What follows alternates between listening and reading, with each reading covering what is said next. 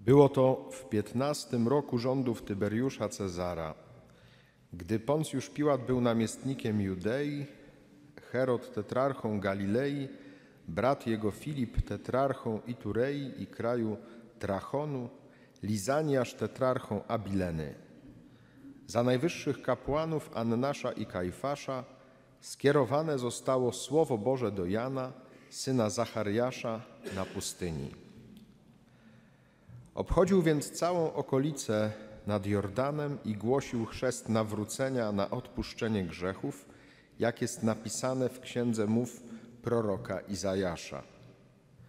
Głos wołającego na pustyni: Przygotujcie drogę Panu, prostujcie ścieżki dla Niego. Każda dolina niech będzie wypełniona, każda góra i pagórek zrównane. Drogi kręte niech staną się prostymi, a wyboiste drogami gładkimi. I wszyscy ludzie ujrzą zbawienie Boże. Oto słowo Pańskie. Chwała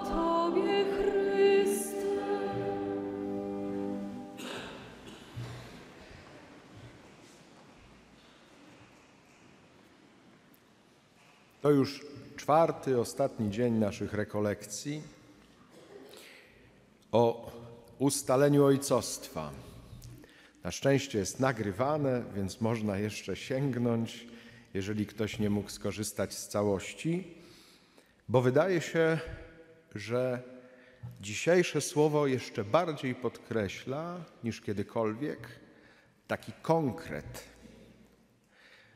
Tak jak czytamy w Ewangelii, że było to zarządów Tyberiusza Cezara, gdy Poncjusz Piłat był namiestnikiem, Annaniasz, Annasz i Kajfasz byli arcykapłanami i tak dalej, i tak dalej. To można bardzo konkretnie określić w czasie i miejscu.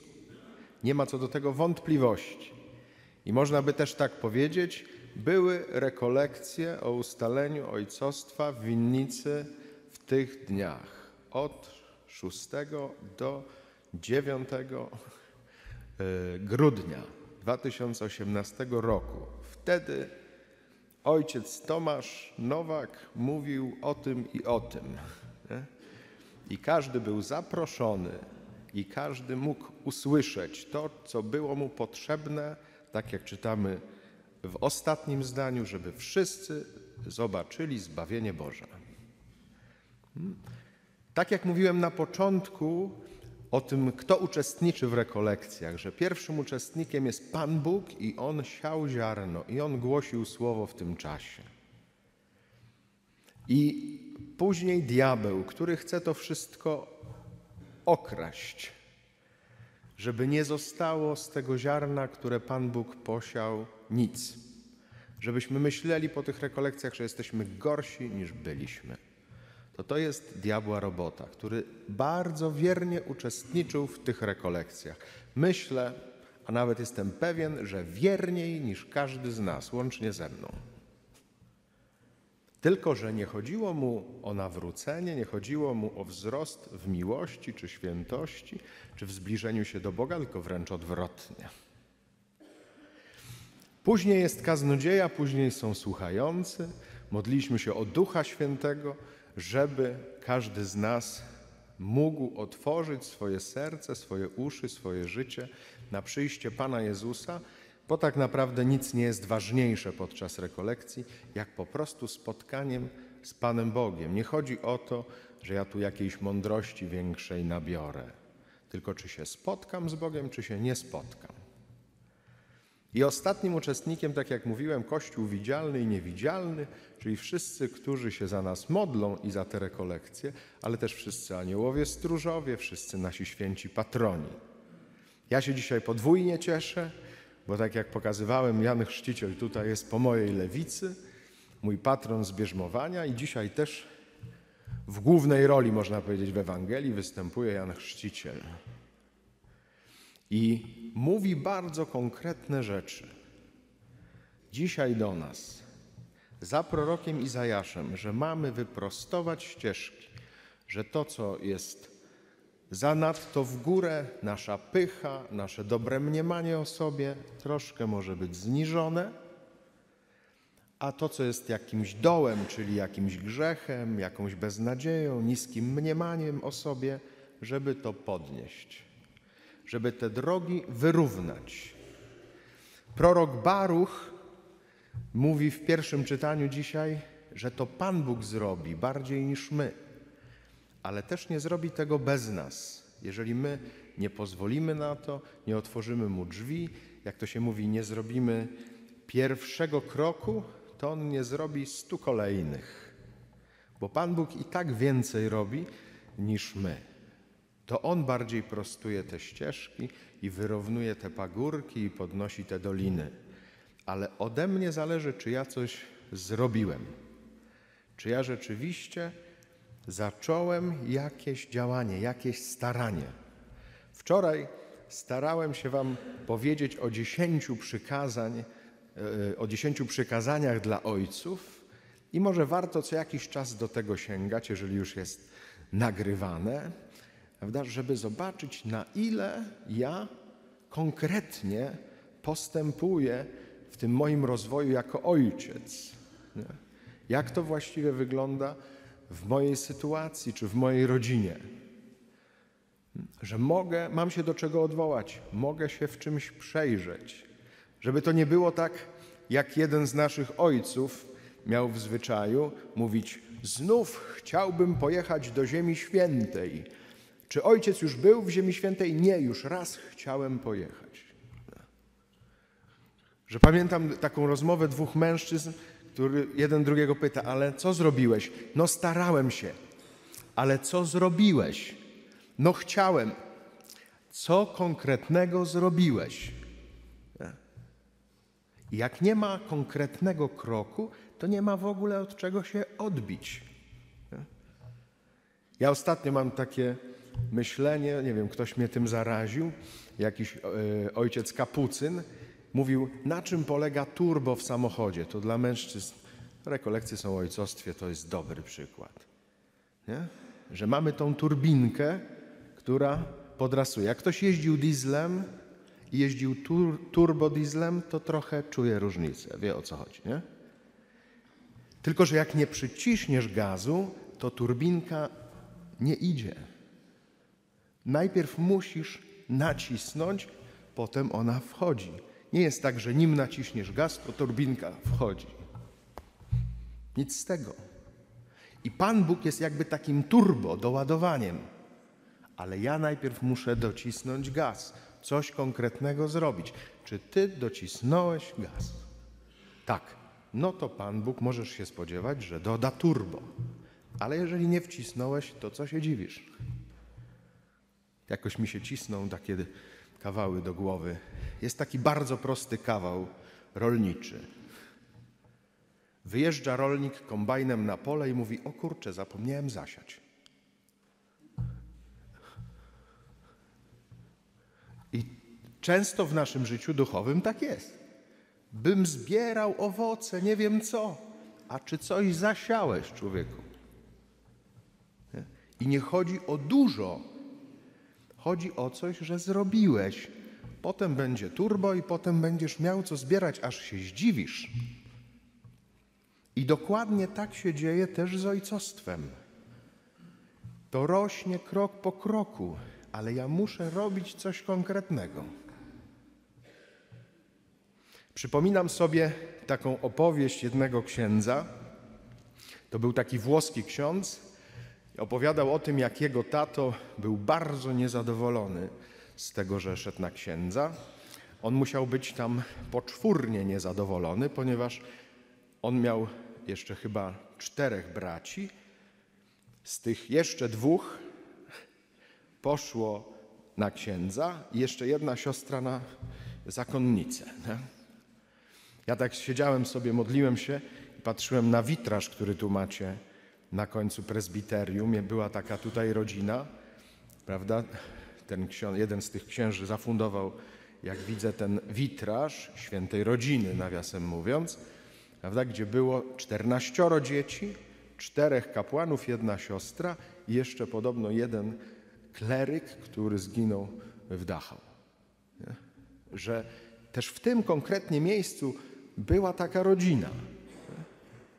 Ale wracam do wspomnianego włoskiego księdza. I on opowiadał, że właśnie ten jego tato był niewierzący i w ogóle był bardzo niezadowolony z tego, że jego synowie poszli do seminarium.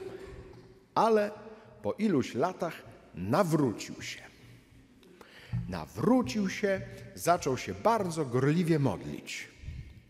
Ale mama żyła z nim trochę lat, więc tak patrzy, patrzy, mówi: Modli się, ale jeszcze nie jest nawrócony.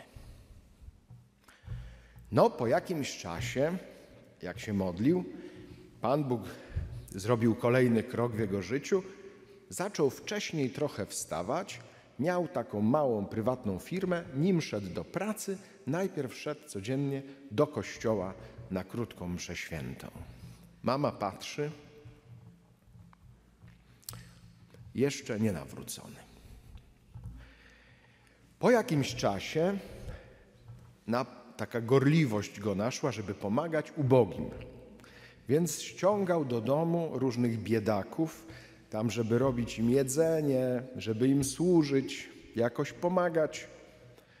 Mama mówi: Od tego jego pomagania to ja mam tylko jeszcze więcej roboty. To na pewno nie jest nawrócony. Znów za jakiś czas, kolejny krok, został szafarzem Najświętszego Sakramentu. Mama patrzy ze zrozumieniem, ale mówi: Jeszcze nie nawrócony.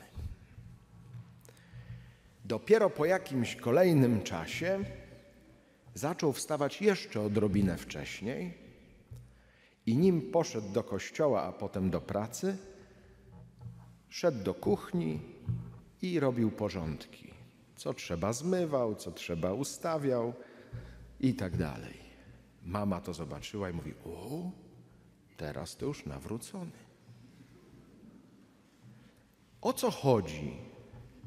Nawet nie o to zmywanie czy tam sprzątanie, tylko że ona poczuła, że życie z nim powoduje, że jest jej łatwiej żyć, że jest jej lepiej w życiu. Że droga do świętości tak naprawdę na tym polega, żeby inni, którzy są wokół mnie, byli szczęśliwsi i żeby było im w życiu lepiej. Jeżeli tak jest, to to jest właściwa droga do świętości. To jest prawdziwe nawrócenie. A jeżeli tylko jest, jak to się mówi, mało ognia, kupa dymu, to jesteśmy dopiero w drodze. I oczywiście z całym szacunkiem, że musimy przechodzić te kolejne etapy, bo od razu człowiek taki super święty się nie staje. Ale żeby znać swoją miarę, to, co też starałem się wczoraj powiedzieć, Pan Bóg zasiewa to ziarno. Jeżeli daje mi być ojcem, to mi zaufał, ale to nie znaczy, że ja już jestem super doskonały. Dopiero wchodzę na tę drogę.